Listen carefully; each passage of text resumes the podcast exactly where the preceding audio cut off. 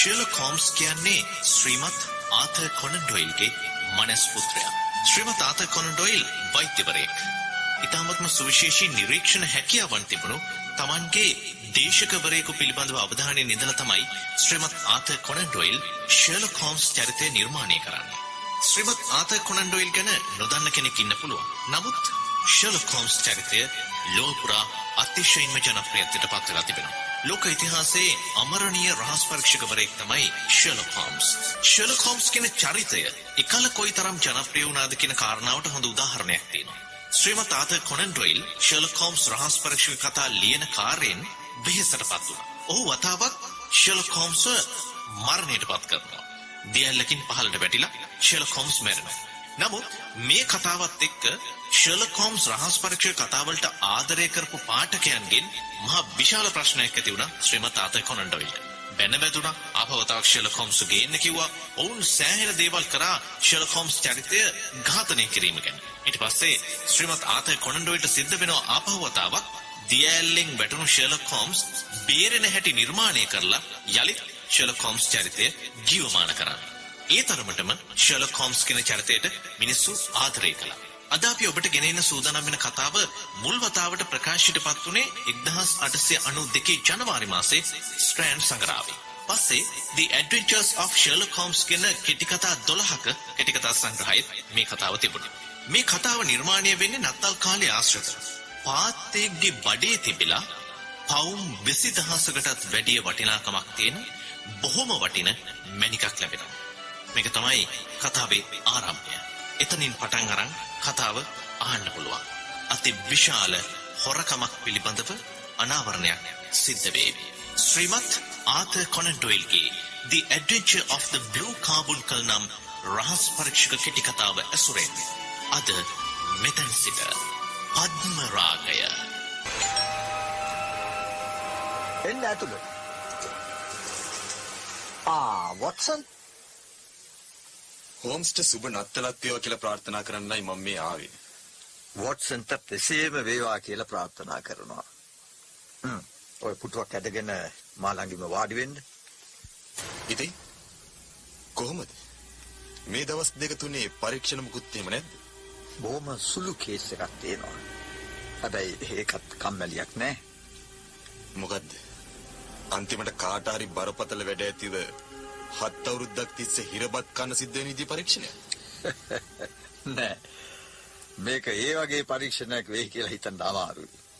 එතකොට හෝම්ස් හිතන විදිහට මේකේ අවසානය කොහොම වෙයිද?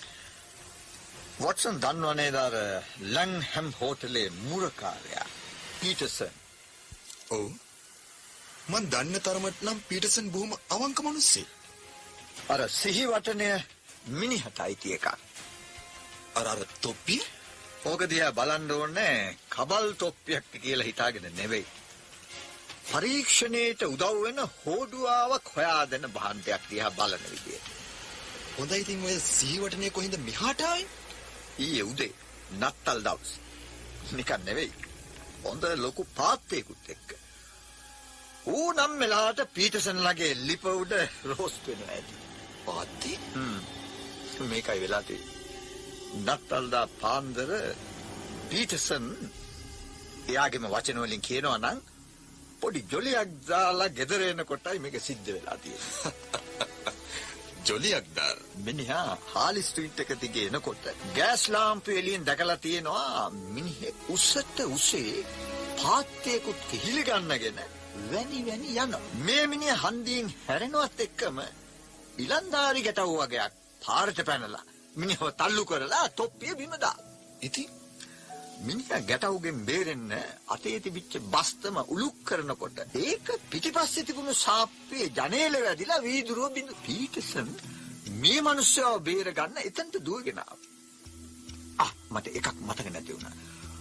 පීටර්සන් ඇඳලා හිටියේ වැඩට අඳින කාකි යුනිෆෝම් එක. පීටර්සන්ව දැක්ක විතරයි මේ මිනිහා පොලිසියෙන් එනවයි කියලා හිතාගෙන පාත්‍යවත් දාලා පැනලා දෙව්වා. පීටර්සනොයි මේ කබල් තොප්පියයි පාත්‍යයි විතරක් ඉතුරු වුණා. අපූර්ව වැඩේ. ඉතින් පීටර්සන් මොකද කළේ? පීටසන් මේක අයිතිකාරයට බාර දෙන විදියක් ගැන කල්පනා කළා. පාත්‍යගේ කකුලේ කාඩ් එකක් ගැට ගහලා මිසිස් හෙන්රි බේකර්ට කියලා ලියාපු. මේ තොප්පියේ HB කියන අකුරු දෙක ගහලා. හෙන්රි බේකර් ඉතින් මේ ලන්ඩන් නුවර නැතයි හෙන්රි බේකර්ලා දාස් ගන්න හරියට. ඒකම තමයි පීටසන් පාත්‍යයි තොප්පියයි අරගෙන මා ළඟට. හරි හරි හරි ඉතින් අපි පාත්‍යව අද උදේ වෙනකන් තියාගත්තා. ඊට වැඩි තියාගත්තොත් නරක් වෙන හින්දා මම පීටසන්ට කිව්වා ඌව කෑමට ගන්න කියලා. මන් ළඟ තියාගත්තා. අර කොල්ලන්ගේ හිතුවක්කාර කමෙන් සිද්ධ වුණේ ඒ දුප්පතා නත්තලට කණ්ඩ ගෙනියපු පාත්‍ය නැති වෙච්ච එක විතරයි. ඔය බේකර් නැතිවීම හා සම්භවීම් තීරේ දැන්වීමක් දාලා තිබුණේ නැද්ද නෑ. ඉතින් මොනවද තවත් ඔගේ කල්පනා කරන්න තියෙන්නේ ඒ වුණාට වොට්සන් මම ඕනම සුළු ප්‍රශ්නයක් ගැන වුණත් උනන්දුවක් දක්වනවා. මේ තොප්පියෙන් මේක අයිතිකාරය ගැන හුඟක් දේවල් කියන්න පුළුවන්. කවුදේ? එන්න ඇතුළට. හෝම්ස් මහත්තයා හෝම්ස් මහත්තයා මොකද පීටසන්? මොකද්ද කලබල? මේ බලන්න මේ බලන්න සර් මේ මේක අපේ නෝනට හම්බ වුණා උගේ බඩේ තිබිලා මොන? ආ දියමන්තියක් පේන්නේ නැද්ද දිස්නේ මැනිකක් මැනිකක් බොහෝම වටින මැනිකක් මැනිකක් නෙමෙයි වොට්සන්. මැනික. මට තේරුනේ නෑ සර් ඇයි වොට්සන් මේක අඳුනගන්න බැරිද? පහුගිය දවස් ටිකේම මේක ගැන විස්තර පත්‍රයේ තිබුණේ. මේක අර මෝකාරාර්යාවගේ නැති වෙච්ච පද්මරාගේ නෑ නෑ වෙන්න බෑ හෝම්ස් වෙන්න බෑ බැරි? පාට, හැඩය, ප්‍රමාණය ඔක්කොම හරියටම හරි.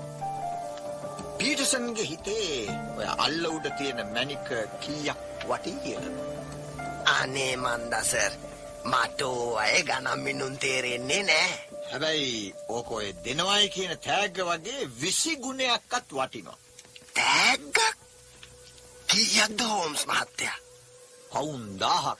පවුම්දාක් හත් දෙයනේ ඒක එතකොට ඔහු පීටසන්. මැනික මේක. සොයාදුන් තැනැත්තා පීටස.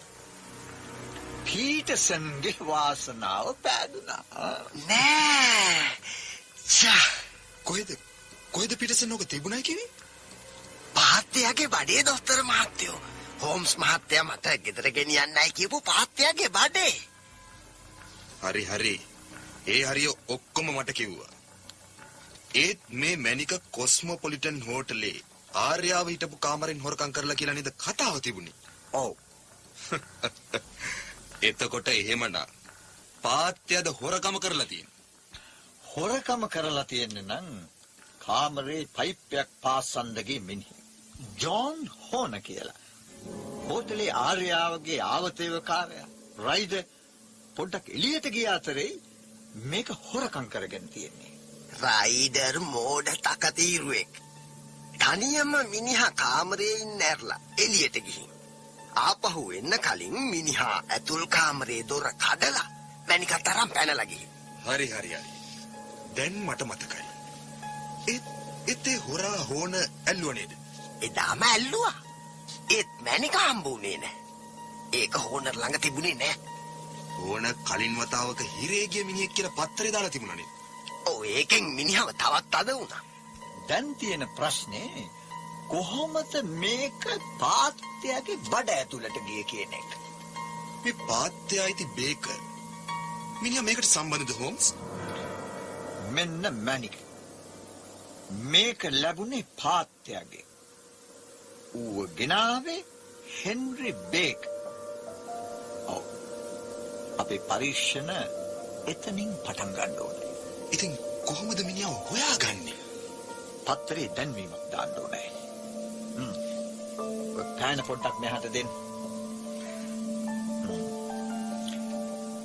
හාලි වීදිය මන්සන්දියේ තිබී පාත්‍යකු හා කළු පාට සෙල් තොප්පියක් සම්භවී තිබේ. හෙන්රි බේක යන අයට අංක 22 බේකර් වීදිය යන ස්ථානයට පැමිණ මේවා ලබා ගත හැක. මේක අද හවස පත්තරේ දාන්න ඕනේ. මේක ඔක දකි දන්න අඳුරන කවුරු හරි ඕක යට පෙන්වන්නේ නැතයි. පීටර්සන් ඇයි සර් ගිහින් මේ දැන්වීම හවස පත්තර දෙක තුනේම දාලා එන්න. ආ, හොඳයි සර් එතකොට මේ මැනික මං ඕක දීලා තෑග්ග ගන්න නෑ. බය වෙන්න එපා. තව එකක්. ඒ මොකද්ද සර් මෙන්න පවුමේ කාසියක්. දැන්වීම දාලා එන ගමන් ඉතුරු සල්ලි වලින් හොඳ පාත්‍යයකුත් අරගෙන එනවා. පාත්වයෙක් කිව්වා මෙයාට අරන් එනවාකෝ. තමුසලා භුක්ති විඳපු එකාට හරියන්න මේ මහත්තයට පාත්‍යයක් දෙන්න එපාය. හරි හරි හරි ඒක ඇත්ත සර් ඕක පොඩ්ඩක් ගන්න බලන්න හෝම්ස් ලස්සනයි නේද? හැබැයි අපරාධවලට මුල අපරාධ කොයි තරම් ලෝකෙ සිද්ධ වෙලා ඇද්ද මැණික් වලට තණ්හාවෙන්. මං එහෙනම් ගිහින් මේ වැඩ දෙක කරගෙන ඉක්මනටම එන්නම් සර් මාත් යනවා හෝම්ස් මට ලෙඩ තුන් හතර දෙනෙක් බලන්නත් තියෙනවා එහෙනම් රෑ කෑමට මෙහෙ එන්න. හ්ම්? කුකුල් මස් එහෙම තියෙනවා. ආ හැබැයි මිසිස් හඩ්සන්ට කියන්න ඕනේ උයන්න කලින් කුකුලාගේ බඩ හොඳට පරීක්ෂා කරන්න කියලා. එන්න එන්න වොට්සන්. මම මේ මග බලාගෙන හිටියේ. ආ, මේ ડોක්ටර් වොට්සන් මගේ මිත්‍රයා. ඒ වගේම මගේ හවුල්කාරයා. මේ මිස්ටර් හෙන්රි බේකර්. එයත් මේ ආවා විතරයි. මට පොඩ්ඩක් පරක් වුණා මේ අමාරු ලෙඩෙක් හිටියා ආ ඒකට කමක් නෑ. Mister Baker. මේකද ඔහෙගේ තොප්පිය. ඔව් සර්. සමාවෙන්න ඕන කරදරයක් වුණා. දැන් මෙහෙම ප්‍රපාතයට වැටිලා හිටියට මං ඉස්සර එක පිළිවෙලකට හිටපු මිනිහෙක්. මං හිතුවා මාව වට කරගත්තු රස්තියාධිකාරයෝ ටික තොප්පියයි පාත්‍යයයි දෙකටම වග කියන්නේ නැති කියලා. ඉතින් තව කීයක් හරි වේදම් කරන්නේ මොටද කියලා දැන්වීමක් දැම්මේ නැහැ. ආ ඒක හරි. ආ පාත්‍යව නම් අපිට කන්න සිද්ධ වුණා. කන්න සිද්ධ වුණා. ඔව් එහෙම නොකළනම් කුණු වෙලා කාටවත්ම වැඩක් නැතු.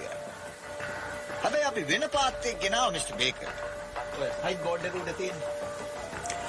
බොහොම ස්තුතියි. බොහොම ස්තුතියි සර්. මිස්ටර් බේකර් ගෙනාවා පාත්‍යගේ පිහාතු කකුල් ගොජුරේ හැම අපි අරන් තියලා තියෙන ඕන ඒව ඉතින් මට මොකටද මේ වෙච්ච ඇබැද්දිය මතක් වෙන්න සිහිවටනයක් විදිහට තියාගත්තොත් මිසක් ඒක ඇත්ත. ආ. මෙන්න මිස්ටර් බේකර්ගේ පාත්‍ය. මෙන්න තොප්පිය.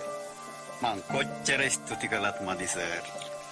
ආ මේ කොහෙන්ද මේ පාත්‍ය ගත්තේ? මාත් සුමානකට දෙකකට සැරයක් පාත්‍යෙක් ගේනවා. හැබැයි ඒ තරම් හොඳ පාත්‍යෙක් නම් කවදාවත් හම්බුනේ නැහැ. ඒක ඇත්ත. අපි ওই පාත්‍යෝ ගන්නේ කටුගේ ගාව තියෙන ඇල්ෆායින් කියන තැන. දන්නව ඇති නේතන? ඔව් ඔව් මන් දන්නවා. අපි නත්තලට පාත්‍ය ගානේ ගන්න සුමානෙකට සිලිම ගානේ සීට්ටුවක් දැම්මා. ඔය ඒකෙන් ගත්ත පාත්‍යයක්. අපි දීපු එක සෑහෙනවද මන්ද? මේ මොනවා කියනවද සර්? මං ඌ ගැන බලාපොරොත්තු අත්හැරලයි තිබුණේ. කොයි තරම් උදව්වද මේ කළේ? එහෙනම් මේ මාතෘන්ගේ කාලේ තවත් කාදමන්න ඕනේ නෑ. මං ගිහින් එන්න. හොඳයි ගින් එන්න. දැන් එකක් පැහැදිලි. මේ මිනිහා බේකර් නම් මේ හොරකම ගැන කිසිම දෙයක් දන්නේ නැහැ. වොට්සප් බඩගින්න. නෑ ඇයි හෝම්ස් එහෙනම් අපි පරීක්ෂණ පටන් ගමු. වහාම ක්‍රියාත්මක වෙන එක නුවණට හො. ඇල්ෆා ඉන්න එකේ මේ වෙලාවේ නම් සෙනග කවුරුවත් නැති පාටයි එන්න සර්. සර්ලට මොනවද ඕනේ? අපිට ඇවිදලා ඇවිදලා හරි මහන්සි. හොඳ උණු කෝපි දෙකක් බිව්වොත් නම් හොඳයි. හරි සර්. ඔම වාඩි වෙන්න. මිනිත් වෙන්න ඉන්න. වාඩි වෙන්න නම් ඕනේ.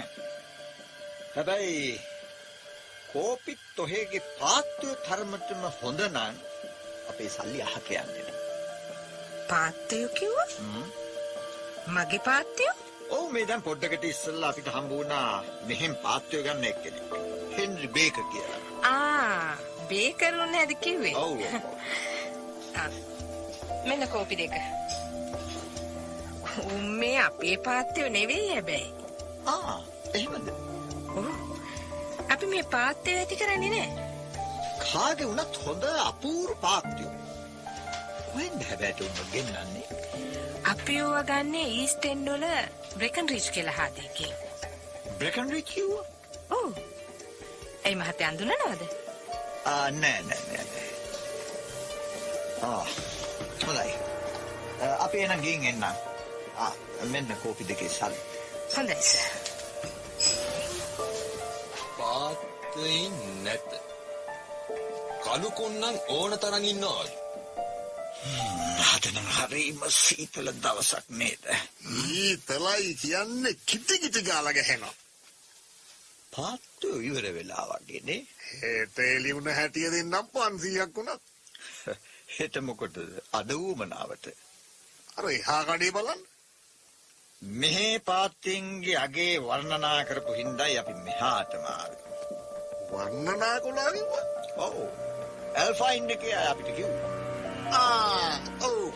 එතෙන්ට අපි අරිනවා දුසින් දෙක තුනක්. හරිම ෂෝක් සත්තු. කොහෙන්ද හැබැයි තුම ගේන්නේ? ගේන්නේ? ඔව්. ඇයි මොකටද අහන්නේ? නෑ නිකන් දැනගන්න ඇහුවා. ආ එහෙමද? එහෙමනම් මං කියන්නේ නෑ කොහෙන්ද ගෙනාවේ කියලා. මේක හරියට මේ මුළු ලෝකෙම පාත්තෝ ඉන්නේ මෙතන විතරක් වගේ ඉන්නේ.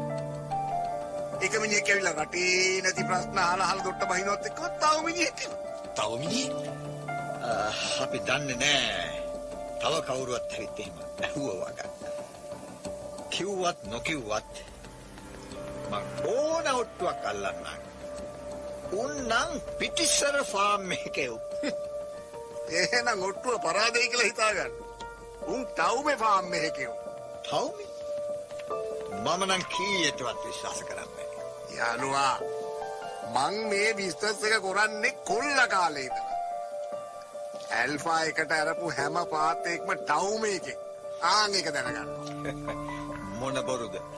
මාව රවට්ටන්න බෑ ඔයේට. මං පවුමක් ඔට්ටුවල්. හරි. එහෙමද? ඔව්. ආ. මෙන්න පවුමේ කාසිය.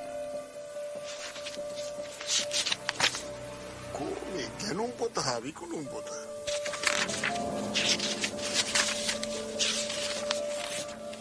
ආ. මේ තියෙන. හ්ම්. මෙන්න බලාගන්න. දෙසැම්බර් 22 ගත්තා බ්‍රික්ස්ටන් පාරේ ඕක්ෂොට් මහත්මියගෙන් පාත්තයින් දුසින් හයයි සිලිං හතයි පැන්සහය ගණනේ. ටවුමෙද පිටිසරද? ටවුමෙන ඉන්න. ඉන්න ඉන්න ඉන්න. වික්කා දුසිම් තුනයි මේසන් මහත්මියට ඇල්ෆායින් සිලින් දහය ගණනේ. පුදුම. විශ්වාස කරන්න. ඕක දැනගණ්ඩ පවුමක් ගිය එකයි වැඩේ. මටත් විශ්වාස කරන්න අමාරුයි ඔය වගේ මෝඩෝට්ටු අල්ලන මිනිස්සු මේ රටේ ඉන්නවයි කියල. ඔහොම තමයි දිනනවා පරදිනවා. හ්ම්. හොඳයි. අපි ගින් එන්නම්කෝ. එක පවුමකින් ගේ ආරංචිය දැනගන්න ලැබිච්ච එක බොහොම ලාභයි. ඒ මිනිහා ඔට්ටු අල්ලන මිනිහෙක්කින්ද හොඳට කියලා.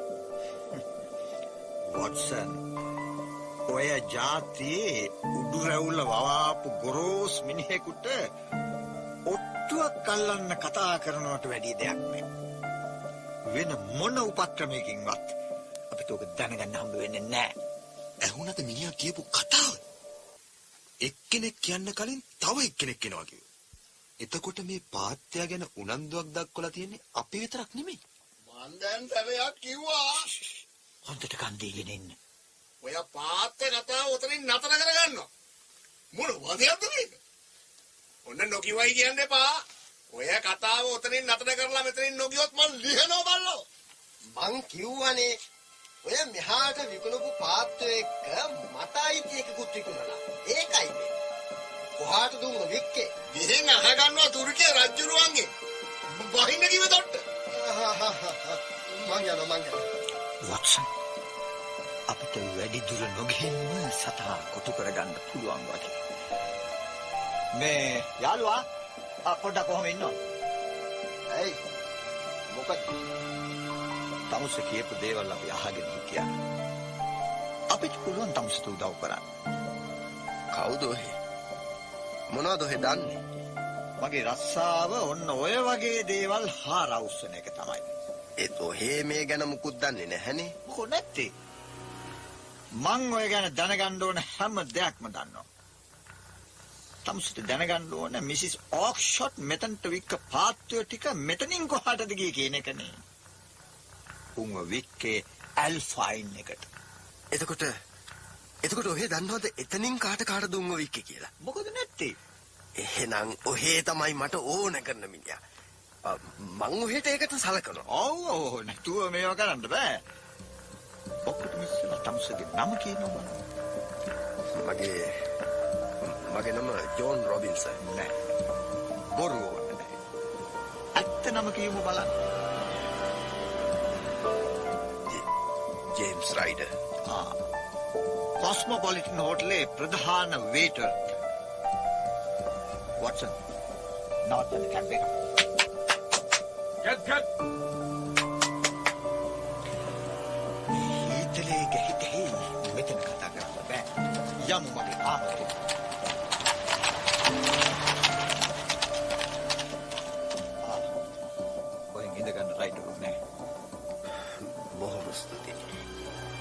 දැන් ඔහෙට දැනගන්න ඕනේ පාත්‍රීන්ට උනේ මොකද කියලානේ. ඔව්. හරියටම කියනවා නම් අර වලිගේ කළු ඉරක් තිබුණු සුදු පාත්‍ය ගැන මතකද ඌව? මොකද නැත්තේ ඇත්තම කියනවා මෙහාට ආව මෙයාට ඔව්. හොඳ අපූරු සතා මන් දන්නවා තමුසේ මොකටද ওই තරම් උගන හොයන්නේ කියලා අලාට පස්සේ පිටරයක් දැම්මනේ ලස්සන චූටි වටකුරු දිලිසෙන පිටරයක් තමුසේ තමුසේ කවුද? මගේ නම ෂර්ලොක් හෝම්ස් රාස් පරීක්ෂක ෂර්ලොක් හෝම්ස්. ඔව් රයිට් පැනල යන්න හදන්නේ නැස. නැස මම පැනලා යන්න හදන්නේ නැහැ. ඔව් ඒක නුවණට හුරුයි. අපිට කරුණ ඔප්පු කරන්න ඕන තරම් සාක්ෂි තියෙනවා. නමුත් ඒක තමුසේගේ කටින්ම දැනගන්න එක වඩා හොඳයි. මට ඔය මැනික ගැන කිව්වේ කැතරින්. කැතරි ආර්යාවගේ ආවතේවකාර. එතකොට තමා කල්පනා කළා මේක ලැබුණොත් පෝසත් වෙන්න පුළුවන් කියලා. මම නෙමෙයි මේකේ මූලිකය. බොරු ඕනේ නෑ රයිට. තමා දැනගෙන හිටියා හෝන කලින් නීතියෙන් දනුවම් ලබාපු මිනිහෙක් පිටියේ. තම ආර්යාවගේ කාමරයේ වතුර කාන්දුවීමක් ඇති කරලා ඒක හදන්න හෝනරම යොදවගත්තා. ඒ දුප්පතා වැඩේ කරලා පිටත් වුණා විතරයි තමා ආර්යාවගේ රත්තරම් බඩු පෙට්ටිය කඩලා මැනික අරගෙන එක හෝන පිටින් තියලා ඒ මිනිහව අත්තඩංගුවට ගන්න තැනට කටයුතු යෙදුවා. අදස මේ මම මෙහෙම දෙයක් කරපු පළවෙනි වතාව. මං ඕන තැනක දිවුරන්න. අනේ මම උත්සාහේ නම් ගෙනියන්න එපා. මගේ අම්මා ඒක තාත්තා අපි පස්සේ තීරණය කරමු. දැන් කියනවා හොරකම කළාට පස්සේ සිද්ධ වුණේ මොකද කියලා. කොහොමද මැනික පාත්‍යගේ බඩ ඇතුළට ගියේ? අනික කොහොමද පාත්‍ය මස් කඩේට ගියේ? මං ඔක්කොම කියන්නම්. පොලිසිය හෝනව අත්අඩංගුවට ගත්ත ගමන් මම කල්පනා කළා ඊළඟට හෝටලේ වැඩ කරන අය සෝදිසි කරන්න ඉස්සෙල්ලා මැනික පිට කරන්න ඕන කියලා. මං කෙලින්ම අපේ අක්කලා ගෙදරට ගියා. අපේ අක්කා බැඳලා ඉන්නේ ඕක්ෂොට් කියලා ෆාම් එකක් අයිතිකාරයෙක්. හරි හරි හරි. පාරිදි මට හැම මිනිහෙක්ම පෙනුනේ පොලිස් කාරයෙක් වගේ. මං හොඳටම බය වුණා. අක්කා මගෙන් ඇහුවා මොකද සුදු මැලි වෙලා කියලා.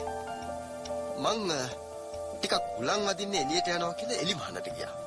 ඊට පස්සේ මොනවා කරන්නද කියලා වටපිට බලනකොට පාත්‍යෝ රංචුවක් කෑ ගහගෙන මං ළඟට ආවා. මට හොඳ අදහසක් ආවා. අක්කා මට කලින් කියලා තිබුණා නත්තලට පාත්‍යයක් දෙනවා කියලා. මං කල්පනා කළා එවෙලෙම මගේ පාත්‍යව තෝරගෙන ඌට මැනික ගිල්ලවනවා කියලා. පාත්‍යගේ බඩවැල් සෝදිසි කරන්න කවුරුවත් හිතන්නේ නෑනේ. බොහොම අපූරුයි. එතකොට ඒකයි උනේ. ඔව්. මං මෙතනින් ලොකු පාත්‍යයක් අල්ලගෙන උගේ කටේ මැනික තිබ්බම ඌ කිසිම කරදරයක් නැතුව ඒක ගිල්ලා. ඒත් ඒකම පිහාටු ගගහම මම අතාරින්න කල්ම දඟලන්න පටන් ගත්තා. ඉතින් මම ගිහින් අක්කට කිව්වා මට නත්තලට අර වලිගේ කළු ඉරක් තියෙන පාත්‍ය ඕන කියලා. අක්කා මට ඌ අල්ලලා මරලා දුන්නා. මං ගෙදර ගිහින් පාත්‍යයක් කපලා බැලුවාම මැනික නෑ. ඒක හරි. ඒ ගමන මොකද කළේ?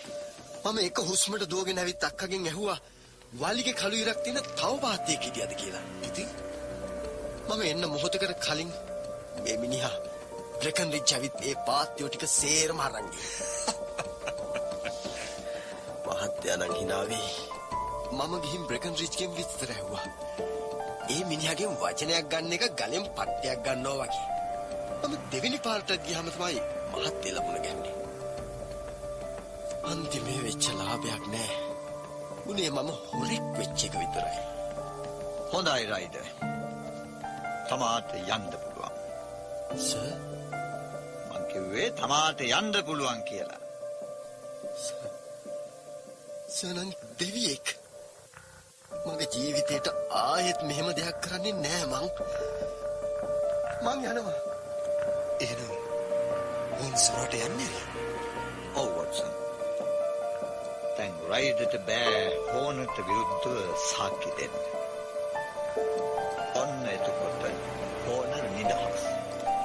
ආර්යාවට මැනික ආපහු හම් වෙනවා. ඔව්. පළමු වතාවට වරදක් කරපු මිනිහෙකුට සමාවක් දුන්නට වරදක් නෑ. මිනිහා තණ්හාවට මේක කළාට මේ වෙච්ච දේ පාඩමකට අරන් හොඳ මිනිහෙක් වෙයි. එතකොට එතකොට තෑග්ග තෑග්ග පීටර්සන්ට ලැබේ. තමන්ගේ අවංකකමට වන්දි වශයෙන් ඒක මිනිහට ලැබෙන්න ඕන. උනේ වොට්සන්ගේ කතාපොතට තව කතාවක් එකතු වුණා. එච්චරයි.